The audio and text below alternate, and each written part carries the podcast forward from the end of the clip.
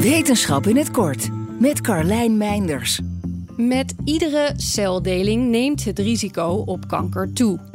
Een langlevende soort, zoals de olifant, zou dus vaker kanker moeten krijgen dan een kortlevende soort, zoals de muis.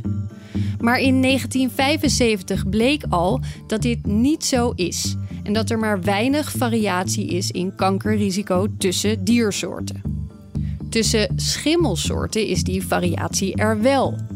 Onderzoekers van Wageningen University and Research hebben een idee hoe dat kan. Langlevende, langzaam groeiende schimmels, zoals heksenringvormende soorten die tot wel honderden jaren oud kunnen worden, lijken met een speciale manier van celdeling mutaties geen kans te geven, waardoor het risico op kanker drastisch lager ligt. Cellen in het ondergrondse netwerk van deze schimmels hebben twee celkernen. Als een eindcel in een schimmeldraad deelt, neemt een van de twee kernen een omweg naar de dochtercel. Dat doet hij door eerst naar een tijdelijke zijcel of zijtak te migreren, die later fuseert met de dochtercel. Zo ontstaat er een soort lus of ook wel gesp. Uit eerder onderzoek is gebleken dat mutanten het vermogen hadden verloren om als schimmeldraden te fuseren. De fusie van zo'n gesp moet volgens de onderzoekers dus een soort testmoment zijn.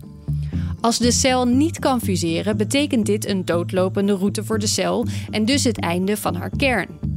Omdat uit hun eerdere onderzoek bleek dat verlies van fusie de belangrijkste route is naar kernkankers, veronderstellen ze nu dat de GESP fungeert als screeningsinstrument voor de kwaliteit van de kern. Een test waarvoor kernen met mutaties in fusiegenen niet slagen.